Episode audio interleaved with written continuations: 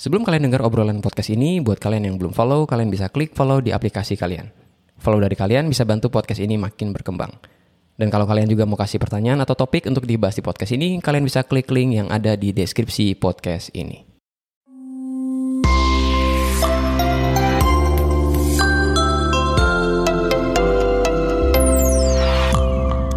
Halo, selamat datang di podcast Pak Kris ya. Dan di episode kali ini gue lakukan hal yang spesial. Gue sambil rekam video dan gue coba masukin ke YouTube.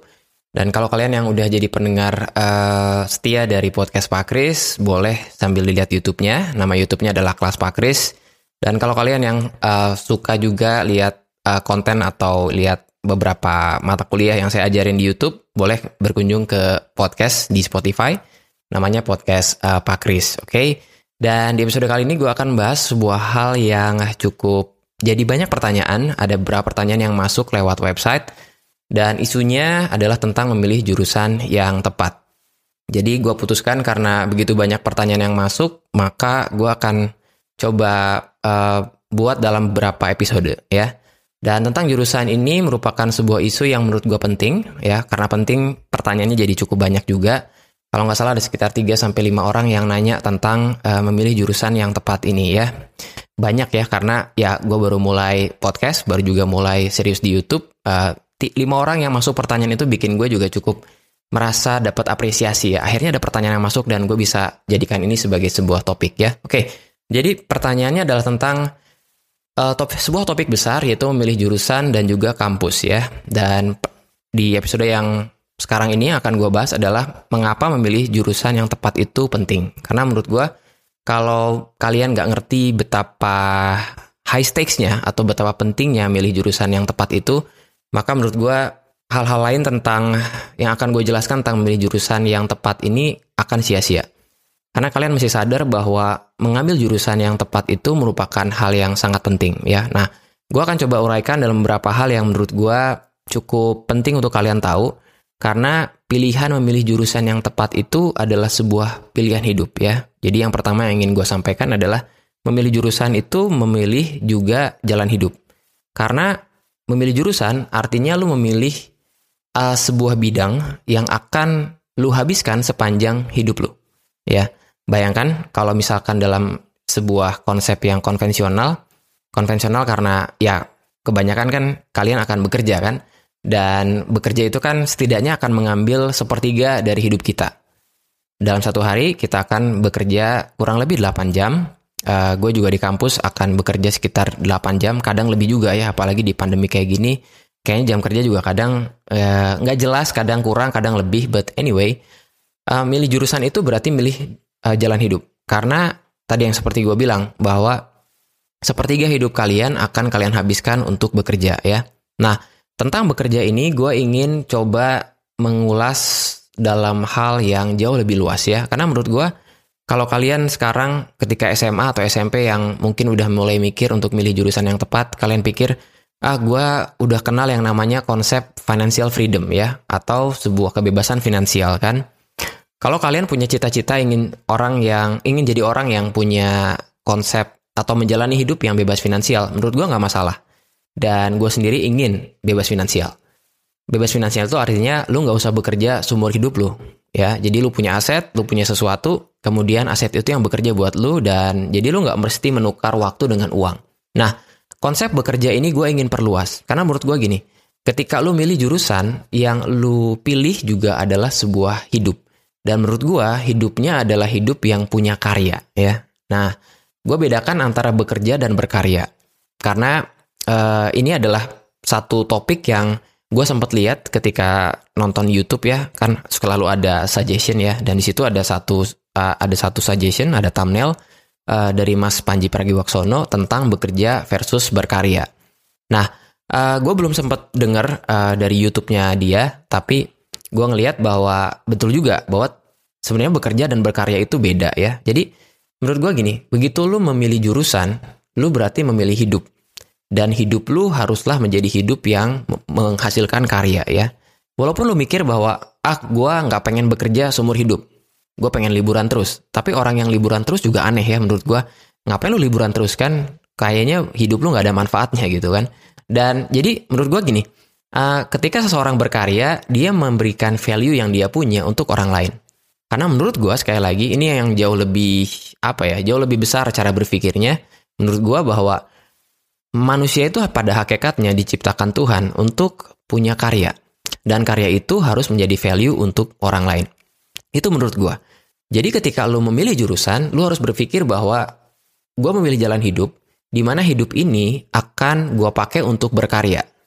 Entah karyanya apa pun, let's say sebuah musik, sebuah puisi, sebuah buku, sebuah hak paten ya, atau ya banyak hal lainnya ya. Seperti gue misalkan yang bisa gue lakukan dalam karya adalah penelitian, gue bikin bahan ajar, bikin video pembelajaran adalah sebuah karya. Maka kalian mesti bedain antara bekerja versus berkarya. Jadi ketika kalian memilih jurusan, yang kalian pilih adalah sebuah jalan hidup, sama seperti kayak lu main game, kemudian lu pilih role atau lu pilih sebuah job dalam game itu, maka apa yang lu lakukan itu harus sejalan dengan apa yang lu pilih, ya. Jadi menurut gue pilihan memilih jurusan itu adalah sebuah pilihan yang sangat krusial ya, karena ya tadi yang gue bilang, lu memilih jurusan sama seperti lu memilih hidup lu ingin seperti apa ya. Contohnya, gue sendiri, gue milih jurusan fisika karena gue ingin jadi seorang saintis, walaupun sekarang gue bekerja uh, sebagai engineer ya, sebagai dosen di Universitas Universitas Katolik Parahyangan dan gue udah nggak lagi di dunia fisika, tapi gue masuk di engineer. Tapi ya itu adalah cabang yang sebenarnya bisa dibilang berbeda, bisa dibilang juga sama. Dan hidup gue dipakai buat mengajar, dan karya gue adalah bahan ajar, kemudian sebuah penelitian ya yang akan gue lakukan dan akan gue seriusi mulai tahun 2021 ini ya, sebuah resolusi lah ya. But anyway, uh, itu hal yang pertama ya. Begitu lo milih jurusan, lo harus pikir bahwa ini adalah sebuah keputusan yang sangat penting yang akan menentukan karya macam apa yang ingin gue lakukan sepanjang hidup gue. Maka harus dilakukan dengan sangat strategis ya. Jadi gue pikir Memilih jurusan adalah sebuah pilihan yang strategis dalam hidup. Sama kayak milih jodoh ya, sama kayak milih kepercayaan sebenarnya ya, agama dalam hal ini. Dan juga memilih pilihan hidup yang lainnya ya. Maka itu yang bisa gue bilang di poin yang pertama ini bahwa milih jurusan harus sangat serius karena sama halnya sama pentingnya dengan seperti lu milih jalan hidup ya. Oke. Nah, yang kedua adalah begitu lu serius memilih jurusan dan lu menganggap ini sebuah pilihan yang penting, lu akan menyimpan atau apa ya gue bilang men-save sekitar minimal tiga tahun kalau lu memilih jadi atau masuk di jurusan D3 dan memilih, dan lu akan berhemat atau lu akan menggunakan waktu minimal 4 tahun ketika lu kuliah S1 ya. Jadi you make yourself a favor ya. Lu menolong diri lu sendiri untuk menghemat waktu lu ya. Karena kalau lu nggak pilih dengan serius, maka lu akan terseok-seok. Orang yang nggak serius, yang banyak yang gue temui ketika gue ada di kampus adalah ya ketika mereka nggak serius begitu mereka masuk dalam sebuah jurusan mereka mungkin masuk di situ karena pilihan orang tua mungkin juga karena kata teman karena ikut teman akhirnya atau memilih yang populer nanti gue akan bahas di episode yang lain tentang memilih jurusan yang populer tanda kutip ya akhirnya mereka tidak enjoy sehingga itu yang membuat mereka menjadi terseok-seok ya gue pun seperti itu Gue lulus dari S1 Fisika itu empat setengah tahun, lebih satu semester, karena gue telat beradaptasi dalam hal belajar. Itu hal lain, nanti gue akan bahas dalam episode yang lain ya. But anyway, uh, begitu lo pilih dengan yang dengan dengan serius ya, lo akan menghemat waktu ya. Seperti tadi yang gue bilang, kalau lo milih D3, maka lo dalam waktu 3 tahun lo akan lulus, dan 3 tahun itu akan well spent ya. Kalau lo milih S1, ya artinya lo akan menghemat waktu cukup besar juga sekitar empat tahun, minimal empat tahun ya. Kalaupun lu sedikit tergelincir ya empat setengah atau lima ya, asal jangan lebih lah ya. Kalau enam tujuh kayaknya udah kelamaan ya. But anyway, oleh karena itu jangan sampai salah pilih. Karena apa? Karena menurut gua begitu lu salah pilih, lu akan buang-buang waktu ketika lu masuk di dunia kuliah nanti ya. Itu hal yang kedua ya. Yang ketiga, nah mungkin kalian akan berpikir gini, hal yang ketiga gue kadang sering juga dengar uh, siswa SMA atau SMP bahkan Ngapain gue harus serius pilih jurusan sekarang? Gue harus masuk di EduFair, gue harus ikutin uh, setiap sesinya guru BK, gue harus lihat-lihat kampus ini ada apa, ada apa, buang-buang waktu. Dan kenapa nggak kalau gue salah pilih pun, ya, gue akan dengan mudahnya pindah jurusan ya. Nah ini mungkin datang dari kalian yang orang tuanya cukup punya kekuatan finansial yang tinggi, dalam hal ini banyak duitnya, Saking banyak duitnya mungkin sampai bisa beli pulau, saking banyaknya ya. Lalu kalian pikir, ya udahlah, kalaupun gua pilih dengan sembarangan, kemudian gua masuk di situ, toh kalaupun gua nggak betah, gue coba-coba dulu gitu kan. Anak sekarang kan sering kayak gitu ya. Gue coba-coba dulu, nyobain icip-icip gitu kan. Kalau nggak cocok ya gue tinggal bilang orang tua buat pindah ya. Nah, satu hal yang mesti kalian tahu ya, uang itu bisa ada ya dan kalau orang tua kalian cukup diberikan berkat dengan uang yang banyak, bahkan tadi yang sampai sempat gue bilang kalau orang tua kalian pengen beli pulau pun mereka bisa gitu kan. Ya bisa aja pindah. Dan waktu gue menjabat sebagai wakil dekan di Unpar pun di FTI ya Fakultas Teknologi Industri banyak yang memang pindah gitu kan dengan mudahnya karena ya orang tuanya juga bisa gitu kan untuk biayain ya udah keluar kemudian daftar lagi atau ujian lagi bayar and then habis perkara ya, selesai aja ya. Uh, dia masuk di jurusan yang baru. Tapi yang harus kalian pikir adalah uang bisa diperoleh ya. Kalau uang hilang itu bisa kita cari lagi. Tapi waktu itu enggak, ya nggak sih? Waktu itu enggak bisa kita kembalikan. Waktu yang sudah selesai, kita habiskan, nggak akan pernah bisa balik.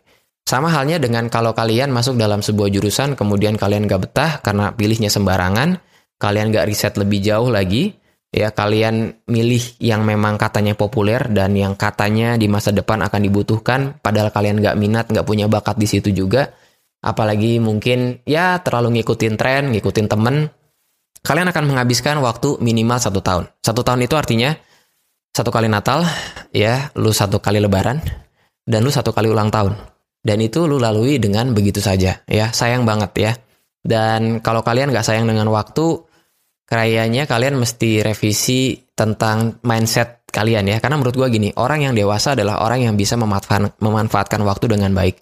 Dan buat kalian yang sekarang lagi mikirin gue akan kuliah di mana, pikirin dengan yang dengan dengan serius. Karena tadi yang seperti gue bilang, kalau lu pilih D3, lu akan menghabiskan 3 tahun di situ.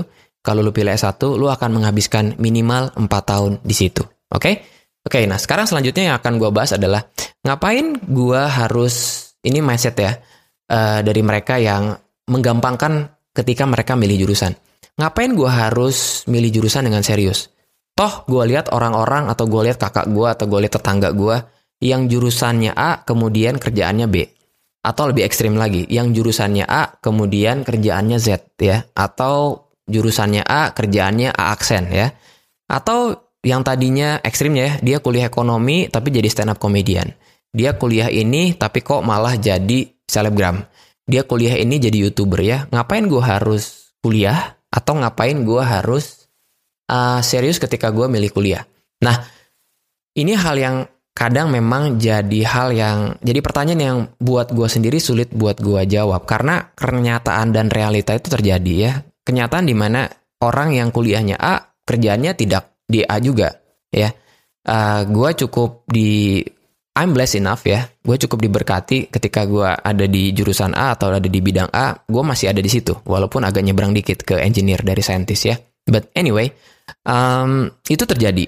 Ada yang kuliahnya ekonomi, kemudian dia malah jadi uh, entertainer ya. Ada yang kuliahnya misalkan di fisika, kemudian jadi menteri. Ups, kejadian tuh ya, jadi menteri kesehatan. ya anyway, uh, banyak banget hal yang itu ya. Nah, menurut gue gini mereka yang mengalami hidup seperti itu, ya uh, beberapa gua tanya juga, gua tanya sama mereka, uh, eh lu kan kuliahnya A, kemudian lu kok kerjaannya yang lain, lu ngerasa rugi nggak? Nah beberapa di antara mereka bilang bahwa gue sih nggak rugi, walaupun gua kuliahnya A, lalu kerjaan gua bukan A, banyak hal yang gua pelajari di jurusan A, ya. Jadi menurut gua apa yang terjadi dalam realita itu kita nggak bisa telan mentah-mentah juga, karena sebenarnya gini mereka yang kuliahnya dalam satu bidang kemudian pindah ke pekerjaan yang lain ya, mereka sebetulnya masih bisa mendapatkan dari pengalaman kuliah mereka. Dan bukan hanya sekedar akademik ya. Kadang kita mikirnya gini, ngapain gue capek-capek belajar ekonomi atau ngapain gue capek-capek belajar teknik industri kalau ujung-ujungnya gue jadi marketing, kalau ujung-ujungnya gue jadi kerja di mana gitu kan. Karena gini, uh, kalau kita cuma mikirin akademiknya doang, akademisnya doang, maka betul, ngapain gue capek-capek. Tapi sebenarnya waktu kalian kuliah, yang kalian dapetin kan lebih dari sekedar akademis, ya nggak sih? Kalian tidak hanya datang ke tempat kuliah, ke kampus, hanya untuk belajar 144 SKS. Kalau untuk minimal ya, kalau untuk S1, uh, dan kalau D3 lebih sedikit lagi, uh, yang kalian dapetin adalah jejaring, ya kan? Yang kalian dapetin adalah pengalaman organisasi. Yang akan kalian dapetin adalah project. Yang akan kalian dapetin adalah jejaring dengan dosen, dengan teman, dan dengan banyak orang gitu loh. Maka kehidupan kuliah itu bukan hanya belajar. Ya, dan kalau kalian tanya sama mereka yang udah kuliah, kalau tanya sama mereka, apa yang paling lu kenang ketika di kuliah, ya? Most likely yang akan mereka bilang adalah, oke, okay, gue sih suka dengan ilmunya, gue belajar banyak, tapi gue belajar tentang pertemanan, gue belajar tentang uh, ngomong dengan dosen, gue belajar presentasi, gue belajar berorganisasi, gue belajar uh, menegosiasi. Kalau mereka masuk dalam organisasi yang memang membutuhkan negosiasi ya, dan mereka banyak mendapatkan skill yang sebetulnya lebih dari uh, sebuah uh, keputusan apa ya, lebih dari sebuah pengalaman akademis ya. Maka menurut gue apa yang kalian pilih nanti dalam hal ingin kuliah di jurusan mana pun, kalian mesti pikirin dengan baik ya, karena mungkin gue akan recap sedikit. Pertama, milih jurusan sama dengan milih hidup, karena apa yang akan kalian pilih itu menentukan kalian akan berkarya di bidang apa. Yang kedua, kalau kalian pikir bahwa pilih ju, mindi, apa pindah jurusan itu gampang, maka kalian mesti pikir ulang karena uang bisa didapatkan tapi waktu enggak. Maka pilihlah dengan serius ya. Yang ketiga, kalau kalian mikir bahwa uh, kenapa gue harus milih jurusan yang seri milih jurusan dengan serius, kalaupun pada akhirnya gue akan bekerja pada bidang yang lain ya. Kalian harus pikirkan bahwa dan kalian harus tahu bahwa ketika kuliah itu yang kalian dapetin bukan hanya pengalaman akademis aja, tapi juga pengalaman yang lainnya ya. Dan gue yakin nggak akan pernah jadi hal yang sia-sia ya.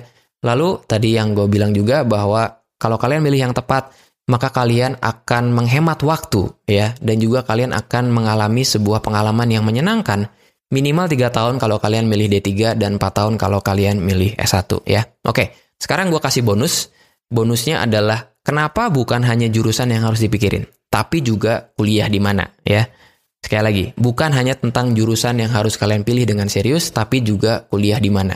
Nah, uh, kuliah di mana itu bukan hanya tentang swasta dan negeri, karena menurut gue kuliah di mana itu uh, juga termasuk lu kuliah di kota mana ya. Tentang uh, kuliah di negeri atau di swasta, gue ada satu episode podcast, kalian tinggal lihat di deskripsi, gue pernah bahas apakah kuliah di negeri itu jauh lebih terjamin dibandingkan yang swasta ya. Itu pun sebenarnya datang dari uh, pertanyaan dari audiens yang gue dapetin ya. But anyway, kenapa milih tempat kuliah atau milih universitas itu penting? Karena menurut gue gini, terutama ya, terutama pilih di luar kota atau pilih di dalam kota. Ya, kalau kalian misalkan SMA-nya lagi di Bandung, gue pilih yang ada di kota Bandung atau gue pilih di kota lain. Ya, itu penting. Nanti gue akan ceritain kenapa. Kemudian kalau kalian yang di Jakarta, gue pilih yang di Jakarta atau gue pilih yang di luar kota. Pilihan ini penting karena apa? Pilihan ini akan menentukan sebagaimana kalian berani untuk hidup mandiri, ya. Jadi kalau kalian yang merasa gue pengen belajar deh hidup mandiri, maka saya anjurkan untuk kuliah aja di luar kota, ya, atau bahkan di luar negeri, ya. Kalian akan jauh belajar tentang kemandirian dibandingkan uh, teman kalian yang mungkin memilih di dalam kota yang dekat dengan keluarga, ya. Gue juga blessed enough, gue mengalami dua hal itu. Pertama, gue kuliah di dalam kota di Bandung di ITB. Gue juga dekat dengan orang tua. Kalau ada apa-apa, gue masih harus bukan harus ya, gue masih bisa minta bantuan orang tua. Makan gak harus gue pikirin karena ada yang masakin di rumah. Kemudian juga hal-hal kayak bayar listrik, bayar air, gue nggak mesti mikirin itu. Nah itu beda ketika gue uh, kuliah S2 dan S3 di luar negeri, gue harus pikirin semuanya. Termasuk makan, termasuk bayar apartemen, termasuk bayar tagihan, semuanya harus gue lakukan.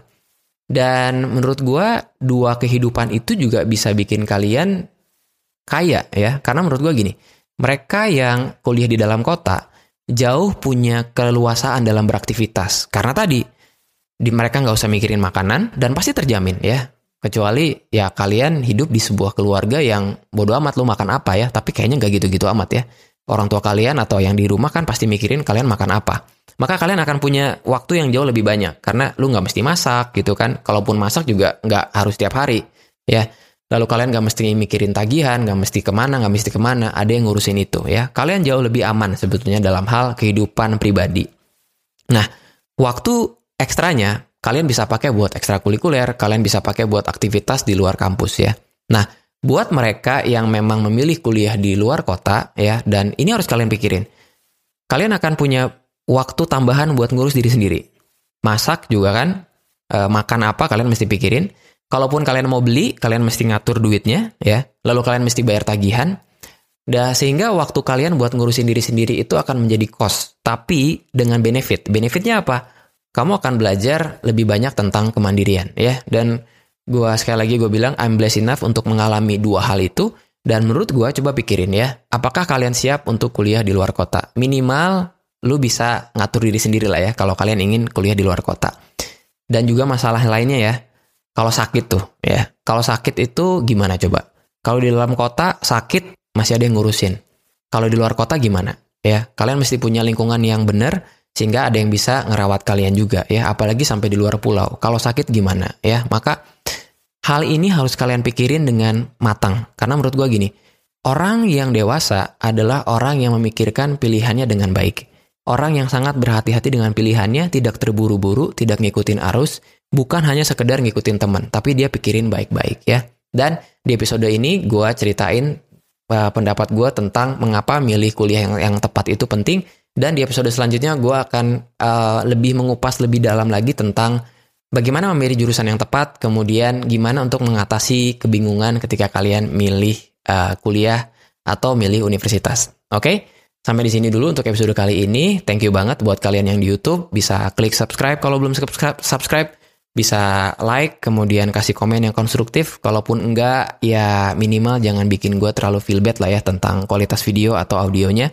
Buat kalian yang di podcast juga yang sering dengar di podcast di Spotify atau lewat website saya, kalian bisa share informasi ini buat orang yang kalian pikir butuh untuk mendapatkan wawasan seperti ini. Oke, sampai ketemu di episode selanjutnya. Bye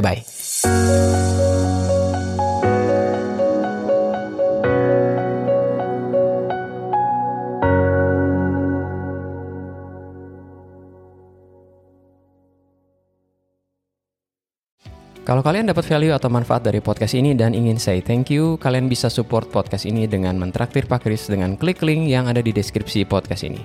Traktiran kalian akan sangat berarti untuk podcast ini tetap running dan bantu orang-orang untuk stay productive. I'll see you guys later dan stay productive.